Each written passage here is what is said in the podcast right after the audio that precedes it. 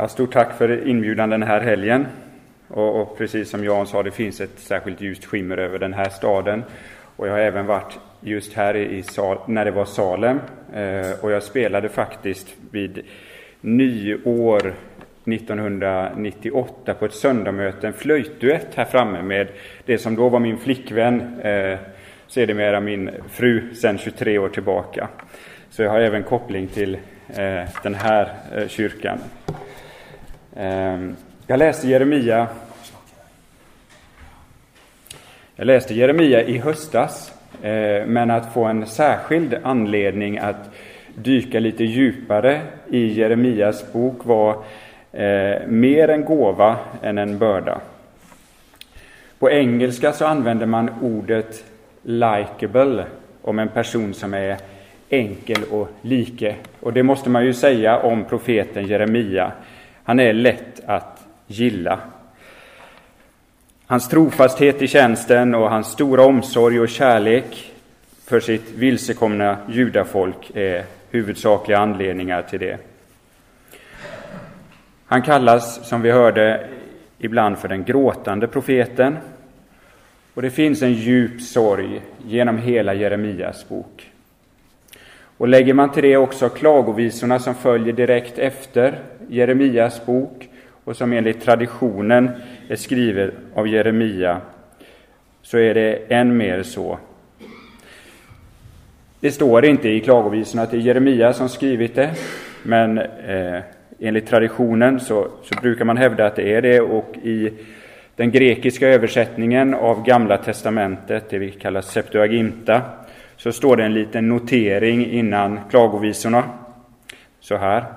När Israel hade förts bort i fångenskap och Jerusalem ödelagts satt Jeremia och grät och sjöng denna klagosång över Jerusalem.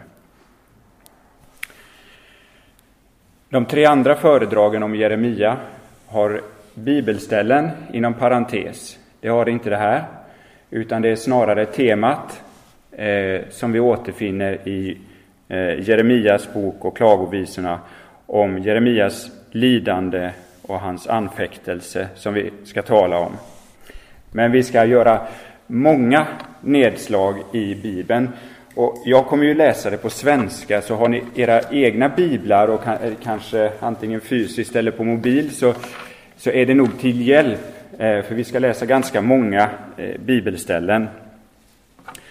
Och så är det fint att få, när vi framförallt kommer in på delen om anfäktelse, att då få koppla det till jobb eh, som eh, med sitt fruktansvärda lidare, lidande på, på, ett, på ett sätt som ingen annan i Bibeln ger uttryck för sin anfäktelse. Och eh, Luther kommenterade just eh, Jobs bok eh, så att det är en bok till tröst. Och det får den vara för oss också.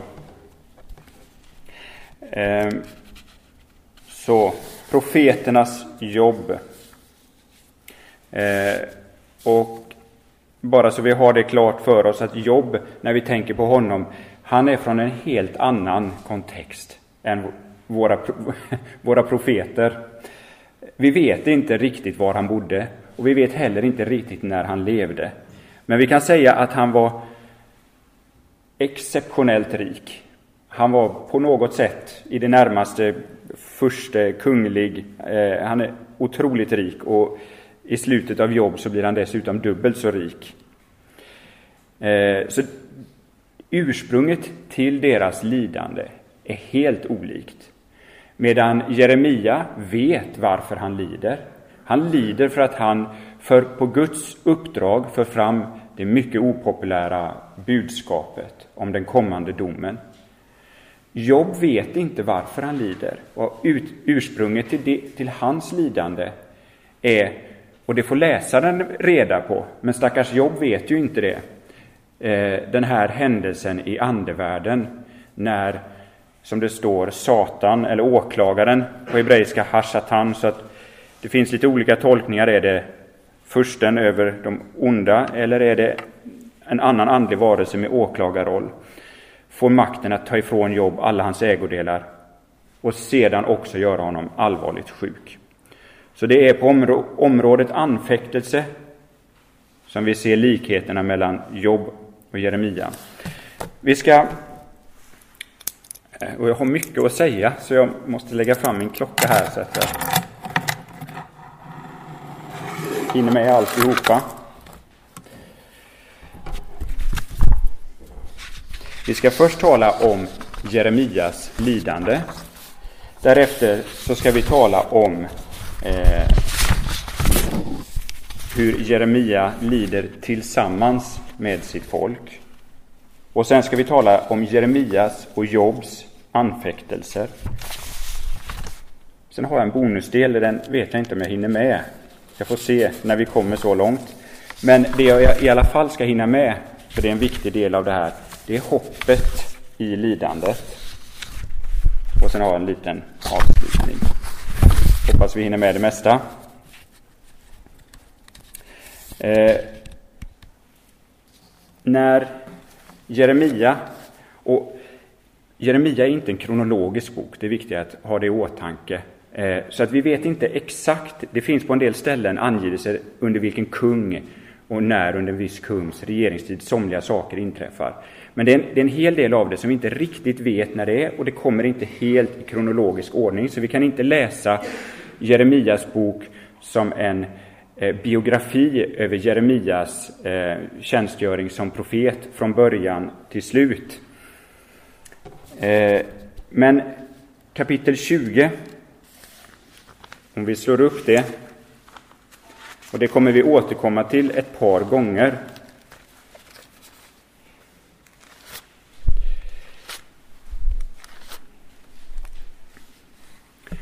När Jeremia har gjort tjänst i förmodligen många år, så från den sjunde versen. Du, Herre, övertalade mig och jag lät mig övertalas. Du grep mig och besegrade mig. Jag har blivit till ständigt åtlöje. Alla hånar mig. Så upplever Job sin situation, nej, vad säger Jeremia sin situation. Och vi ska se några av anledningarna till eh, varför han faktiskt upplever det eh, på just det sättet. Och vi kan gå tillbaka då till det elfte kapitlet.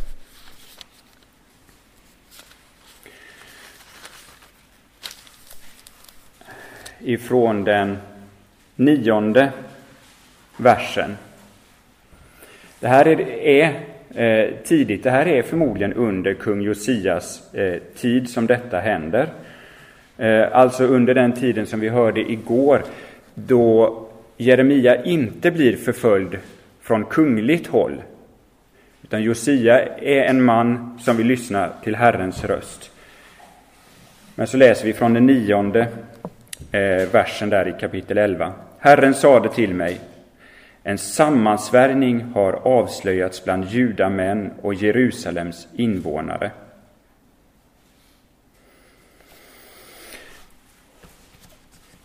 Så redan tidigt så finns det alltså mordplaner mot Jeremia. Det är Gud själv som uppenbarade för Jeremia vi vet inte mer om vad Jeremia gör för att då undgå dessa mordplaner.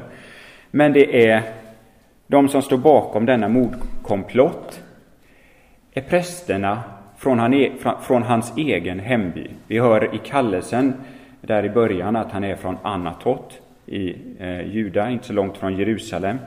Även de här eh, konspiratörerna är från den här byn eh, och är ute efter att döda honom. Så det är alltså primärt ifrån prästerskapet och från dem som talar falska ord i Guds namn. Så säger Herren, men det är inte Herren som talar. Och bland dem blir Jeremia omedelbart mycket impopulär. Och vi ska återkomma lite grann till komplotter, eh, mord och så vidare. Eh, men det finns en annan dimension som förmodligen gör Jeremias liv eh, extra tungt. läser vi i kapitel 16 eh, så ser vi i den andra versen Du ska inte ta dig hustru eller få söner och döttrar på denna plats. För de flesta människor så är det det naturliga att söka sig en livskamrat, att dela livets med och motgångar med, att få se glädjen av att ha egna barn. Detta ska Jeremia inte få lov att göra. Det är visserligen också så att han då därmed slipper se eventuellt sin, sin fru eller sina barn bli dödade när babylonierna senare intar byn och slaktar, som vi hörde om igår. Men under den långa tjänst han gör så är han ensam. Han har ingen eh, eh, fru att dela sitt, eh, sina lidanden med. Läser vi om Jobb så blir han ju faktiskt av med precis allting, även sin hälsa. Men han blir inte av med sin fru. Det är lite oklart i vilken mån hon är till, till hjälp, men eh, han har henne kvar. Och detta är säkert någonting som är med och lägger, ökar hans lidande. Eh, om vi sen hoppar över till kapitel 18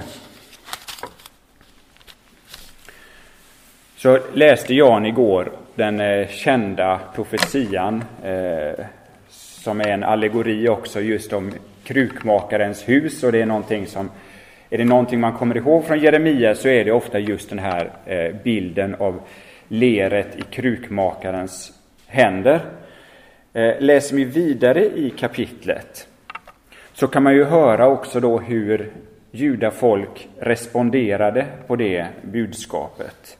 Och det kan vi läsa ifrån den artonde versen. Kom, vi tänker ut planer mot Jeremia. För prästerna ska inte komma till korta med sin undervisning, inte den vise med sitt råd eller profeten med sitt ord.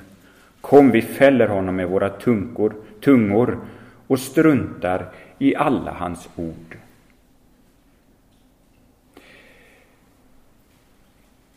Om man nu inte har Gud på sin sida och inte talar Guds ord, så kan man ju åtminstone få tyst på Guds ord. Så att det kan verka som att det man talar är Guds ord. Och så verkar de eh, vilja göra här när de faktiskt vill skydda de falska profeterna. De vill få leva eh, i lugn och ro och inte höra Guds ord.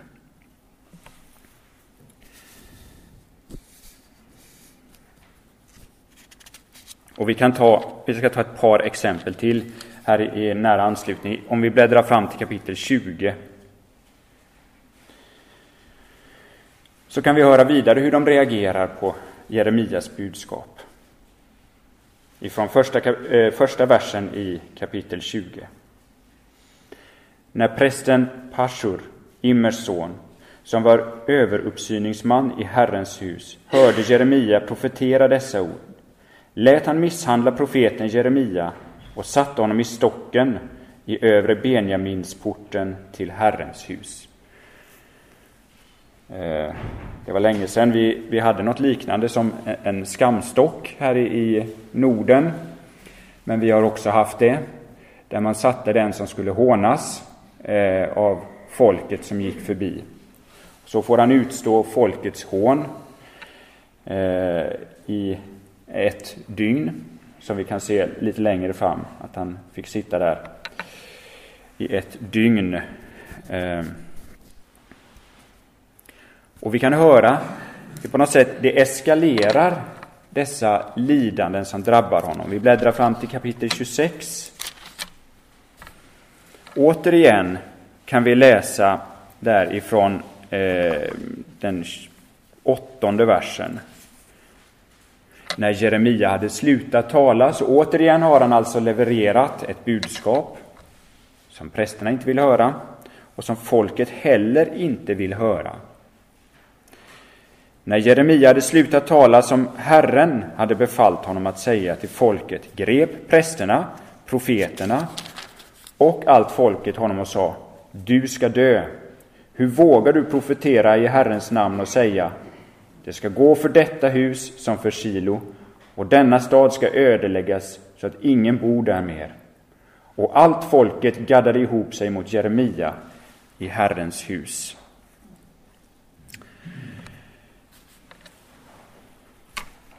Och det är klart, det som Jeremia vid det här laget har talat om i tiotals år, det har inte gått i uppfyllelse.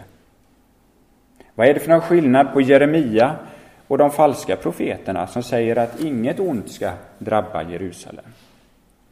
Jerusalem är Herrens ögonsten och det ska gå henne väl och hon ska finnas för alltid.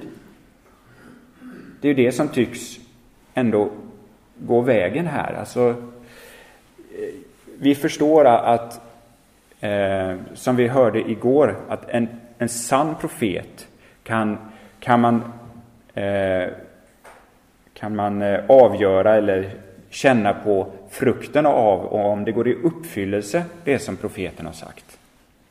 Men det går inte i uppfyllelse. Det ska dröja ytterligare ett, eh, en del år innan det faktiskt eh, går i uppfyllelse. Så vi kan ana missmodet som efterhand kommer eh, krypande hos Jeremia. Att komma med detta oerhört eh, negativa budskap, domsorden, omvändelseorden. Och så händer ingenting. Gud förlänger nådatiden.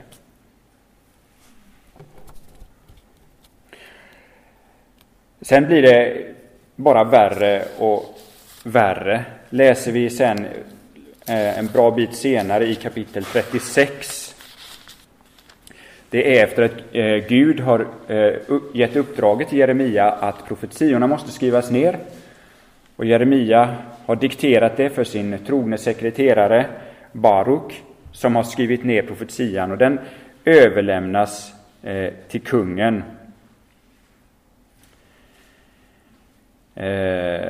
och kungen som vi hörde, och då har vi alltså kommit fram till av de kungarna eh, som var under eh, Jeremias tid eh, så, ehm, så är det alltså Sidkia nu som är kung.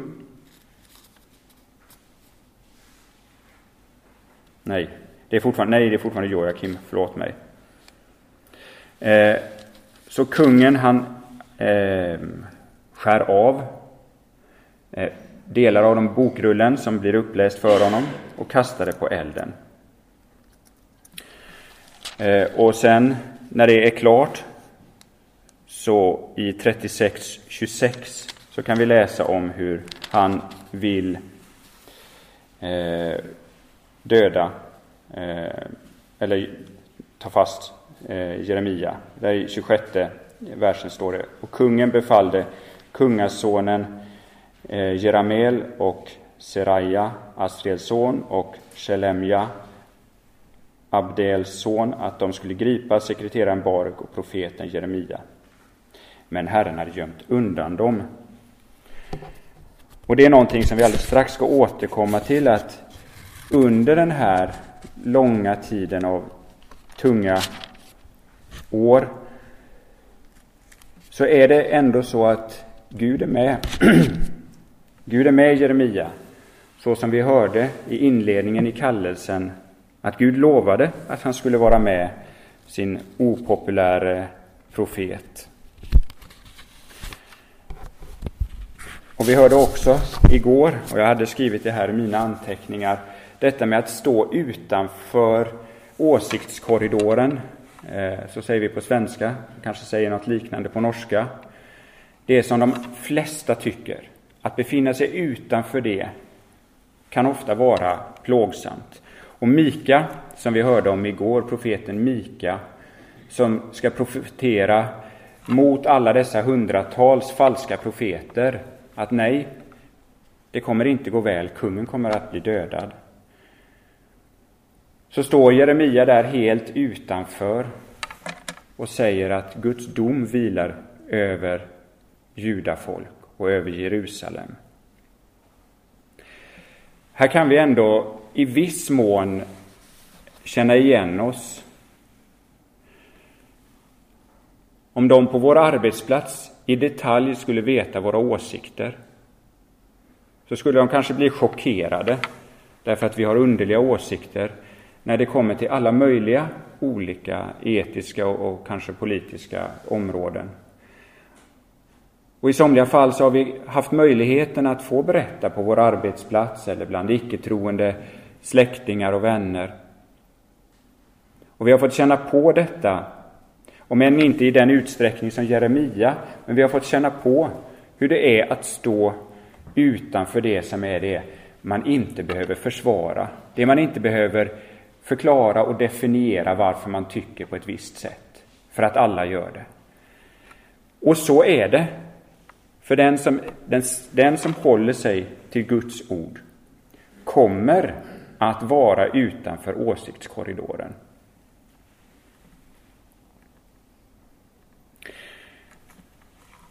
Men no, bara något helt kort om just Guds hjälp. Eh, vi läste där i kapitel 11, vi behöver inte slå upp det igen, eh, hur Gud avslöjade för Jeremia att nu är det en komplott här mot dig. Och Jeremia kunde vidta någon form av åtgärder och undkomma. Vi läste det också här i kapitel 36, hur Gud hade gripit in och sagt innan kungen fick bokrullen att nu måste du gömma dig. Du, får ta med dig Baruk här, så får ni nog ta och gömma er.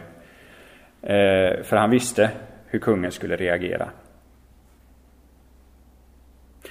Men eh, det finns också eh, mänskliga människor som Gud sänder i Jeremias väg som mänskliga hjälpare. Och en av dem som eh, vi läser om är Ahikam. Om honom står det i det 26 kapitlet. Eh,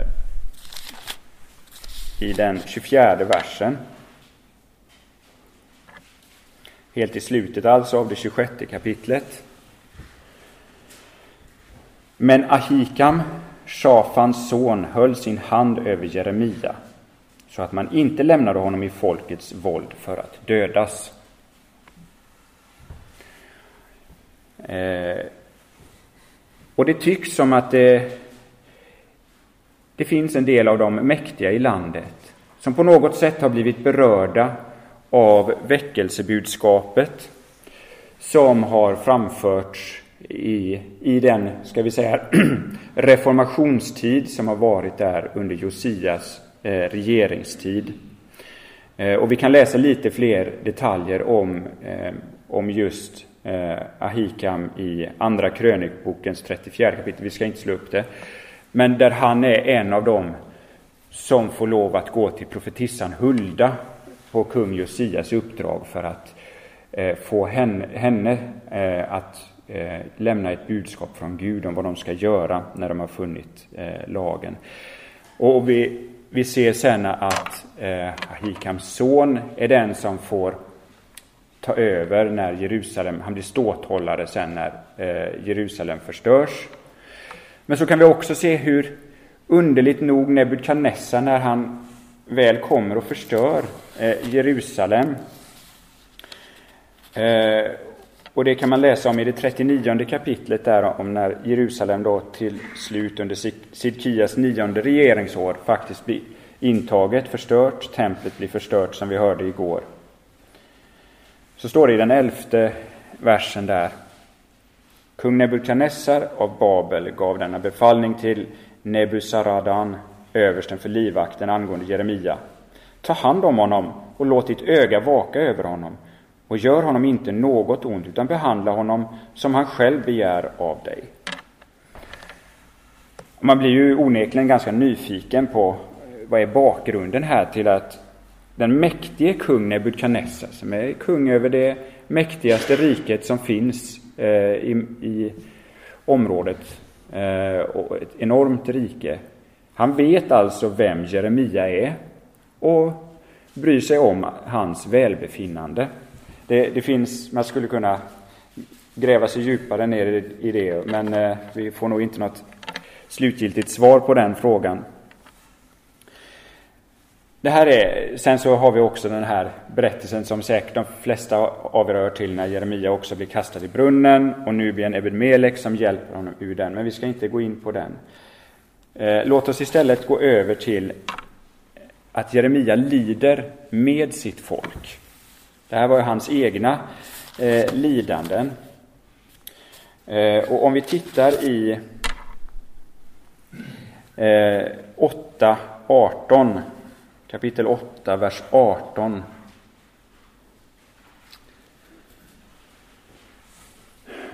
Var ska jag få lindring i min sorg? Mitt hjärta är sjukt i mig. Hör, dottern, mitt folk ropa från fjärran land. Finns inte Herren mer i Sion? Är hennes kung inte längre där? Varför har de retat mig till vrede med sina bilder, med sina främmande avgudar? Skördetiden är förbi, sommaren är över, men vi har inte blivit räddade. Jag är förkrossad, för dottern mitt folk har krossats. Jag sörjer, förfäran har gripit mig. Finns det ingen balsam i Gilead? Finns där ingen läkare? Varför blir dottern mitt folk inte botad? Och detta är också, och kanske den primära källan till Jeremias stora lidande. Att han får lida för det folk som han älskar. Vi kan kontrastera det med Jona som var med om att få ge det assyriska riket ytterligare en del års uppskovstid när han blev sänd till Nineve för att förkunna bättring. Och de lyssnade till Jonas eh, förskräckelse och ilska. Han hade önskat att de inte hörde hans förkunnelse. Med Jeremia är det precis tvärtom. Han önskar så innerligt gärna att de faktiskt skulle höra omvändelsens ord. Sen kan man säga inom parentes att en av de minst kända eh, profeterna i Bibeln, Nahum, han får sen göra en liknande resa som Jona och också profetera för Nineve. Eh, men, men eh, de lyssnade inte på honom och vi hörde igår där att de det assyriska riket så småningom helt krossas av det babyloniska riket. Men det är intressant eh, och eh, någonting tänkvärt att Gud bryr sig inte bara om Israels folk i Gamla testamentet. Vi ser hur dessa glimtar sänds ut. Assyrierna hade dessutom fått eh, tidigare eh, Naman tillbaka med kunskap om eh, till Damaskus om, eh, om Israels Gud. Eh, och Gud vill inte en enda syndares död. varken assyrier eller babylonier.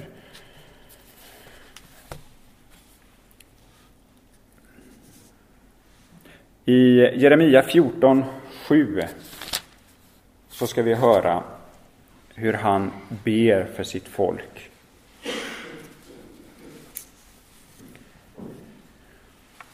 14.7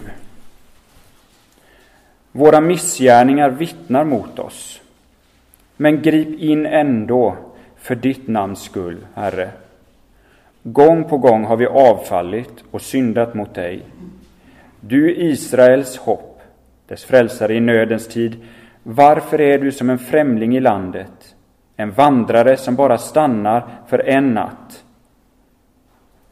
Varför är du som en rådlös man som inte hjälpte, eh, som en hjälte som inte kan hjälpa?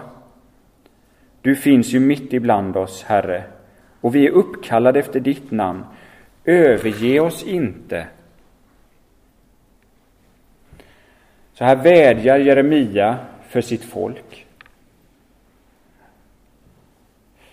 Han påminner Gud om hans förbund, om hans kraft.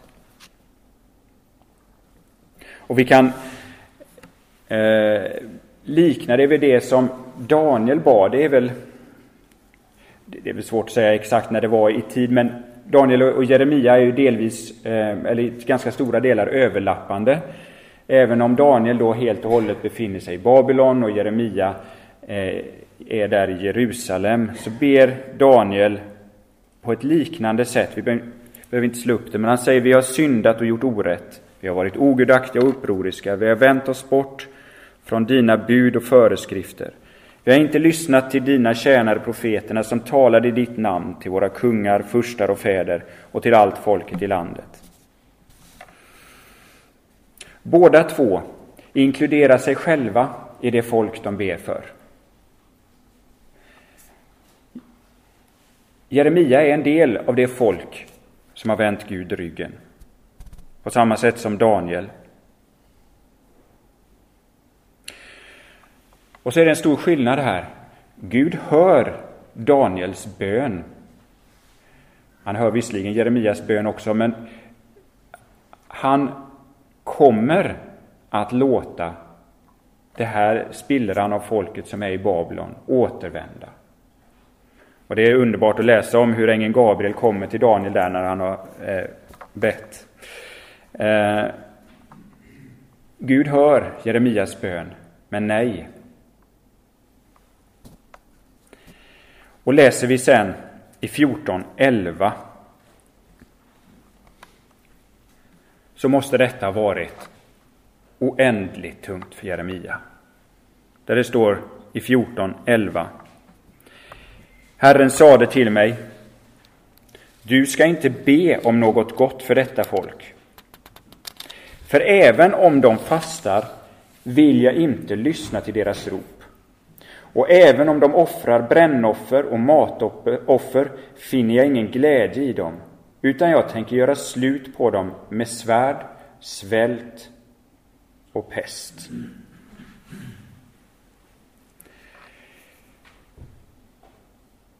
Det här hör inte till vanligheterna i Bibeln, att Gud förbjuder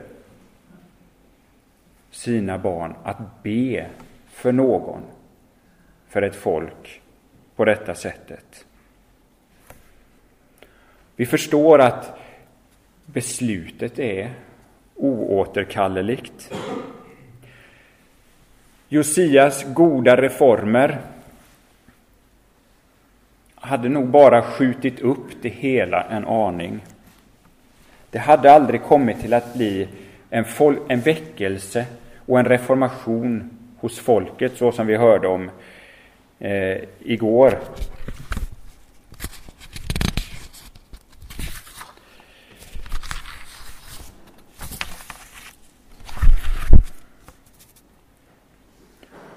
Hur tar då Jobb, eller Jeremia det här? Ja, vi kan bara gå direkt till kapitlet som är efter det vi läste, nämligen i femtonde kapitlet. Ifrån vers 10. 15.10. Ve mig, min mor, att du fött mig, en man som skapat strid och osämja för hela landet. Jag har inte lånat dem något och de har inte gett lån till mig. Ändå förbannar alla mig.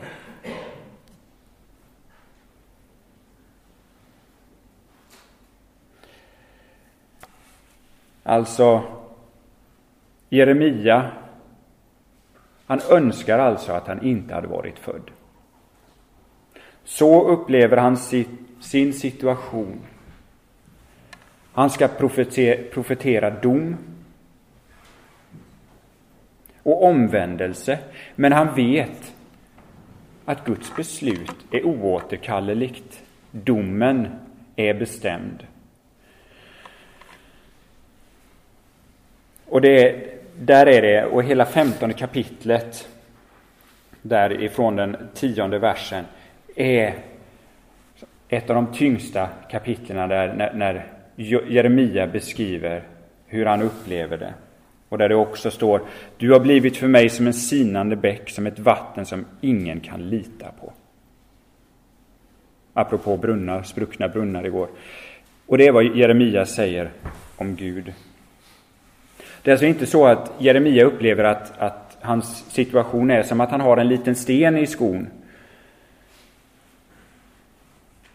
Nej, det, Jeremia är på gränsen att ge upp här. Trots åratal av arbete, visserligen under Guds beskydd, som vi också har hört, så är han på väg att ge upp. Och så går han över gränsen. Han talar lite för mycket mot Gud. Och vi, vi hör vad Gud svarar i kapitel 15 i den 19 versen. Därför säger Herren så. Om du vänder om låter jag dig komma tillbaka och du ska få tjäna mig. Om du skiljer det äkta från det oäkta ska du bli som min mun. Folket ska vända tillbaka till dig, men du ska inte vända tillbaka till dem. Och så kan vi se här i vers 20. Jag ska göra dig till en fast kopparmur mot detta folk. Känner ni igen det? Ingvar var inne på det eh, igår. Det finns med där i hans, en av hans första två syner att Gud ska göra honom till en kopparmur. Järnstötte och kopparmur. Här står det kopparmur. Eh, så eh, Jeremia går över gränsen i sitt missmod. Gud tillrättavisar honom. Och Jeremia, eh, han kommer tillbaka. Han fortsätter eh, som Guds profet. Och med, med den här bakgrunden så kan man förstå hur Jeremia blir kallad för tårarnas profet. Och det, det citat som kanske allra främst är det som man tänker på om, när man kallar honom för tårarnas profet, eh, det, det finner vi där i det nionde kapitlet. Ifrån den första versen. Det är väldigt färgrikt beskrivet. O, att mitt huvud vore en vattenbrunn och mina ögon en källa av tårar. Då skulle jag gråta dag och natt över de slagna hos dottern, mitt folk. Men även om han har fått tillnamnet den gråtande profeten så tror jag att det, det är viktigt att komma ihåg att det som framför allt kännetecknar Jeremia är inte att han håller på och gråter. Utan det är hans trohet i tjänsten. I den ofantligt svåra tjänst som han har under decennier att leverera det opopulära budskapet. Hur han får Guds hjälp och beskydd i det uppdrag som han är kallad till av Gud. Hur det i Jeremias och Guds relation går liksom upp och ner därför att Jeremia, det är så tungt och han blir så trött på sitt jobb. Och vid något tillfälle, som i kapitel 15, så går Jeremia lite över gränsen och Gud får tillrättavisa honom. Men Jeremia är ingen maskin. Han är en människa av kött och blod. Så under den här långa tiden vi får följa honom så ser vi som små inblick i hans själsliv, hur, hur förtvivlad han är och hur det går upp och ner. Och vi kommer återkomma det, till det lite längre fram, det tjugonde kapitlet. Men först ska vi bara hoppa över eh, till Jobs lidande. Så vi kan hoppa över till Jobb kapitel eh, 1.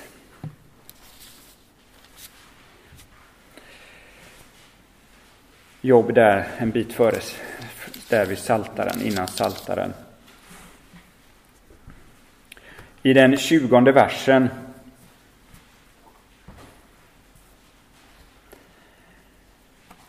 Då reste sig Jobb, rev sönder sin mantel, rakade sitt huvud och föll ner på marken och tillbad. Han sade, Naken kom jag ur min moders liv och naken ska jag återvända dit. Herren gav och Herren tog. Lovat är Herrens namn. Under allt detta syndade inte Job och kom inte med någon anklagelse mot Gud. Och det är, det är del ett av Jobs lidande. Del ett av Jobs första prövning är alltså bara det avsnittet som är här i kapitel 1. Och då har han förlorat all sin rikedom. Eh, alla sina 7000 får, 3000 kameler, 500 par oxar och 500 åsneston. Enorm mängd tjänare och alla tio barnen. Så kan Job säga det. Och så kommer Jobs andra prövning. Där Satan får rätten att också ta hans hälsa ifrån honom. Och det är utifrån det när han är i situationen att han också har blivit sjuk.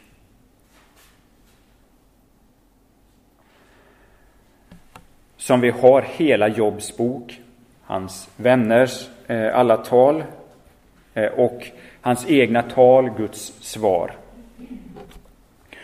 Och mycket av eh, Jobs bok handlar just om att Job förstår inte varför han lider. Varför har lidandet drabbat honom? Och hans vänner försöker genom snirkliga resonemang att övertyga honom att på något sätt är det ändå så att du har syndat och att därför som Gud straffar dig nu på detta sättet. Men Job vägrar att gå med på det här. Han menar att han, inte, att han är rättfärdig.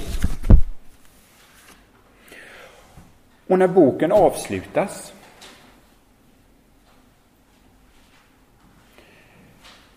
så vet Job fortfarande inte varför han led. Men han har kommit till insikt om vem han är och vem Gud är. Eh, men innan vi kommer precis till slutet där så vi ska se på en liten likhet där mellan hur anfäktad han är med Jeremias eh, upplevelse. Om vi tittar i tredje kapitlet ifrån den tredje versen i Jobb.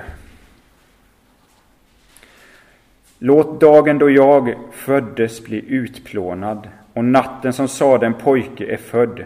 Låt den dagen vändas i mörker. Må Gud i höjden inte fråga efter den och inget dagsljus lysa över den. Ja, vi hör ju. Det är ju nästan exakt detsamma som Jeremia upplever och som säkert en och annan, kanske flera här också, under livets vandring så har den känslan kommit. Varför finns jag överhuvudtaget? Hade det inte varit bättre om jag inte hade blivit född överhuvudtaget? Och hela det tredje kapitlet, en lång klagan.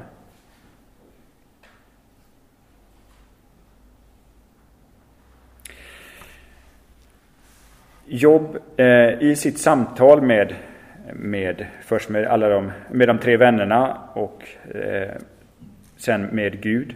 Så säger, om vi bläddrar till eh, Jobb 27.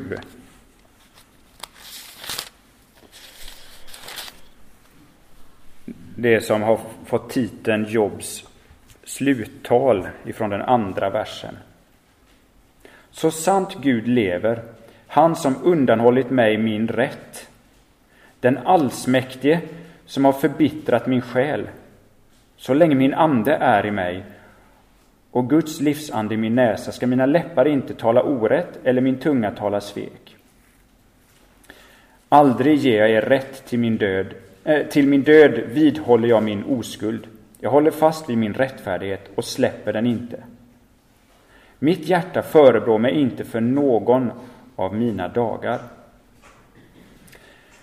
Så det är en kraftig, ett kraftigt försvar mot vännernas eh, idéer om att han faktiskt har syndat. Men det är också en anklagelse, en allvarlig anklagelse mot Gud. Att Gud har handlat fel mot Jobb. Och då kan vi sen hoppa raskt vidare till 39 i jobb.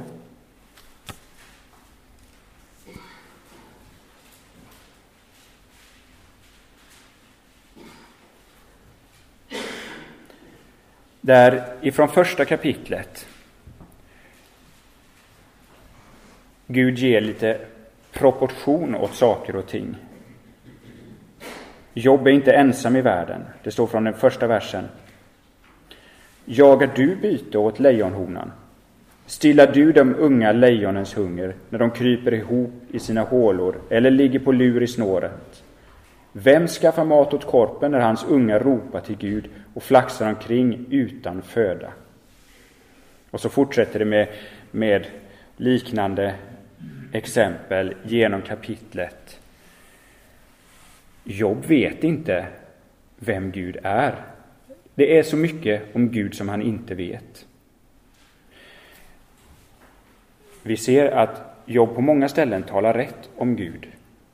Men när han beskyller Gud för att handla orätt så vet han inte vem Gud är. Och vi ska, och vår sida, vi har Bibeln, detta, denna underbara bok, Guds eget ord, som uppenbarar så mycket om vem Gud är, vad han vill, att han önskar vår frälsning, vår räddning, att han aldrig önskar att någon skulle lida eller dö, därför att han skapade allting gott. Men att tro att vi därmed vet allt om Gud, då tänker vi som Jobb, som han gjorde där eh, i, Eh, i kapitel 27. Det kan vara så att vi får lida och vi kommer aldrig få svar på varför på denna jord. Till sist så kommer Jobb till en eh, insikt i slutet av kapitel 39, där vi läser från den 36 versen. Jobb svarade Herren och sa Jag är för liten. Vad kan jag svara dig? Jag sätter handen för munnen. En gång har jag talat, men jag säger inget mer. Två gånger. Men jag gör det inte igen.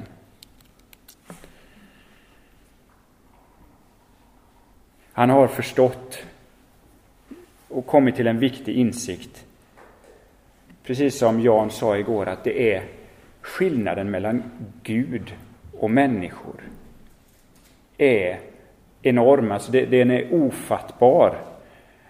Och att behandla och tala till Gud, vi får tala till honom som vår far.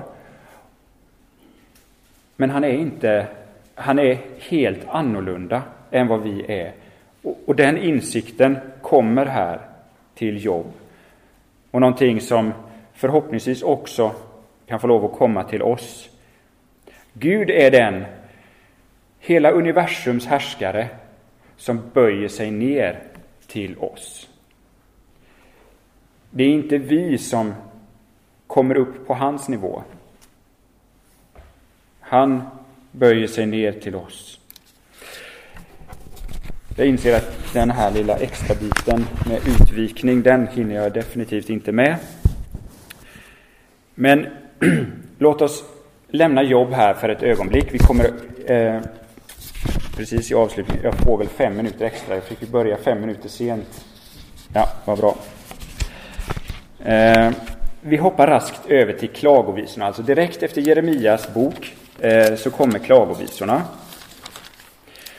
Och eh, klagovisorna börjar med fyra så kallade alfabetsånger. Jag vet inte om det i era biblar är så att det står alf, bet, gimmel och så vidare eh, som rubrik på de olika små avsnitten. Gör det det? Ja. Eh, det var ett sätt som man eh, i judisk poesi kunde Eh, dela upp eh, en sång. Och vi finner det också i Saltaren. Både den 119 och den 37 salmen är också sådana alfabetsånger. Eh, och här i klagovisorna så är det alltså fyra stycken alfabetsånger. Och vi går till den fjärde, alltså det fjärde kapitlet, den fjärde alfabetsången. Så ska vi se hur Jeremia definierar orsaken till att han nu sitter där utanför det förstörda Jerusalem. Det står i Klagovisorna 4 och 6. Eh, Missgärningen hos dottern mitt folk är större än synden i Sodom, men ödelades på ett ögonblick utan att röras av henne, som ödelades på ett ögonblick utan att röras av människohänder. Ja, det är så han jämför. Eh, sammanliknar med synden i Sodom. Alltså det här var värre. Vi gjorde värre. Och att han kan säga det är ju, de hade Guds lag. Folket i Sodom och Gomorra, de hade inte Guds lag. De blev förstörda genom eld och svavel.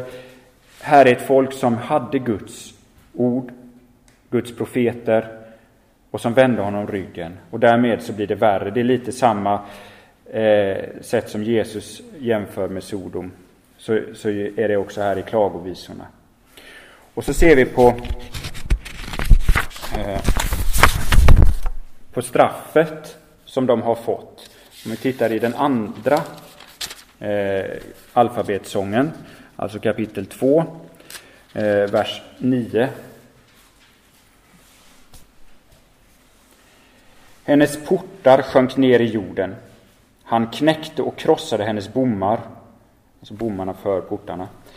Hennes kung och furstar bor bland hedna folken. Ingen undervisning ges och hennes profeter får ingen syn från Herren. Där är liksom nattsvart. Allt är förstört. Kungen borta. Gud talar inte längre till sina profeter. Och så, så återkommer han till sig själv. Och det ser vi i den tredje eh, sången här i kapitel 3 från första versen. Jag är mannen som fått se lidande under hans vredesris. Han har lett mig och fört mig i mörker och inte i ljus. Ja, han vände sin hand mot mig gång på gång, dagen lång. Han nötte ut mitt kött och min hud, han krossade mina ben. Han byggde en mur mot mig och omringade mig med bitterhet och möda. På mörka platser lät han mig bo, likt dem som länge varit döda. Så upplever Jeremia det när det till slut har visat sig att han inte var en falsk profet. När han äntligen får se sin profetia gå i uppfyllelse. Det finns ingen glädje, ingen skadeglädje här i att yes, där satt den. Nu får de ändå se att jag var en äkta profet. Nej, det är fortfarande bara mörker.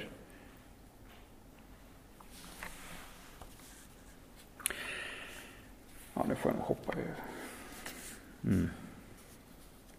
Vi hoppar till kapitel 20, vers 11 i Jeremia.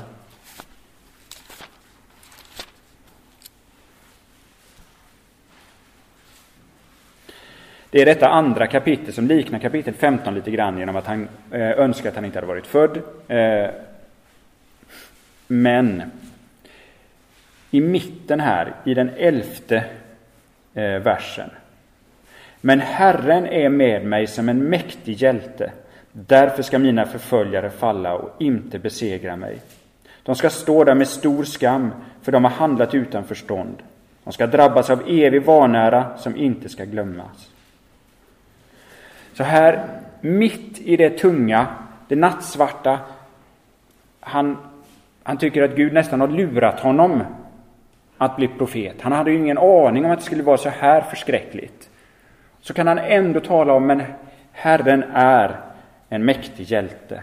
Han, han eh, har hållit sin hand över Jeremia. Och sen mot slutet av kapitlet så kommer det tillbaka. Återigen mörkret. Förbannad är den dag då jag föddes. Och så är det för Jeremia. Mitt i det mörka så finns ändå de här stunderna där han får känna men Gud är med mig. Han håller sin hand över mig. Jag går på hans väg. Och så kan det vara för många kristna. Många dagar som kan kännas tunga, nattsvarta, meningslösa. Varför är jag ens född?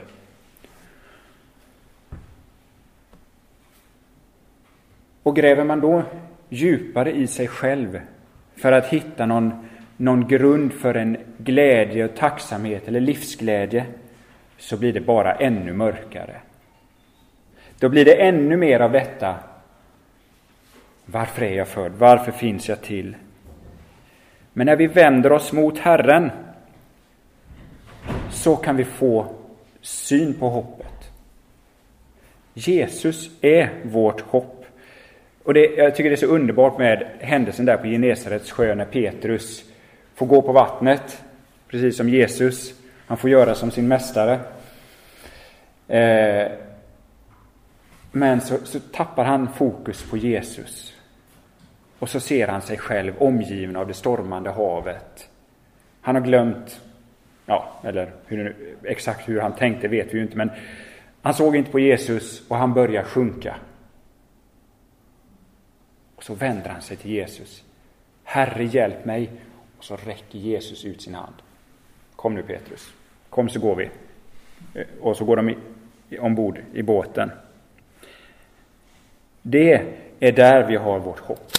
När vi vänder blicken till, eh, mot Jesus, till hans löften. Och Det här föredraget hade inte varit komplett. Och nu vet jag att nu är jag exakt eh, tidens slut. Men det här måste jag bara få säga.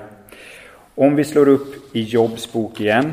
Eh, ifrån eh, den, i det 25 kapitlet.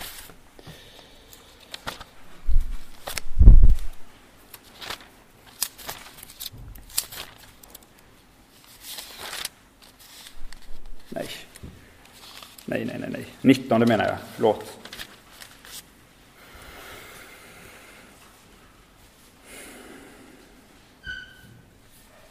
Och hela den här inledningen här, där Jobb beskriver hur eländigt det är. Man kan se i den fjortonde versen till exempel. Mina, mina närmaste har gett sig av, mina vänner har glömt mig. Min familj och mina tjänarinnor ser mig som en främling, en främ, främmande är jag i deras ögon. Och I den sjuttonde. Min andedräkt är vidrig för min hustru, jag äcklar min egen familj. Så upplever Jobb sin situation.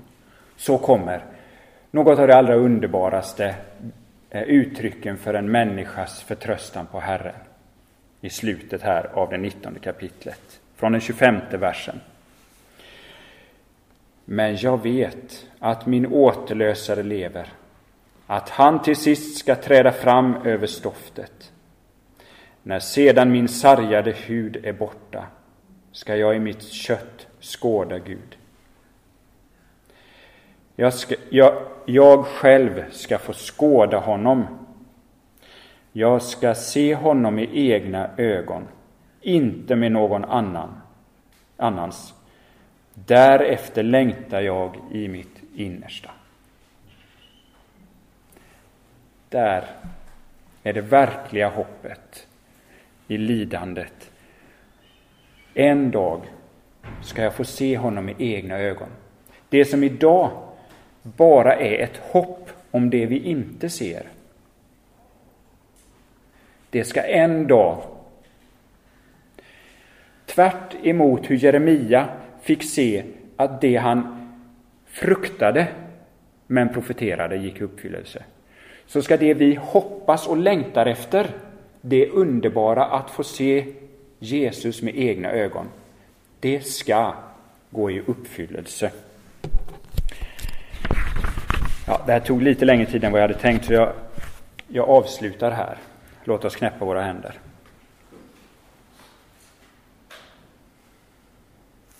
Tack käre Herre för ditt underbara ord, dina underbara löften till oss, din kärlek till oss. Och att du har lovat att om vi bekänner våra synder så är du trofast och rättfärdig så att du förlåter oss alla våra synder och renar oss från all orättfärdighet. Och så finns det ingenting annat som kan vara ett hinder mellan dig och oss.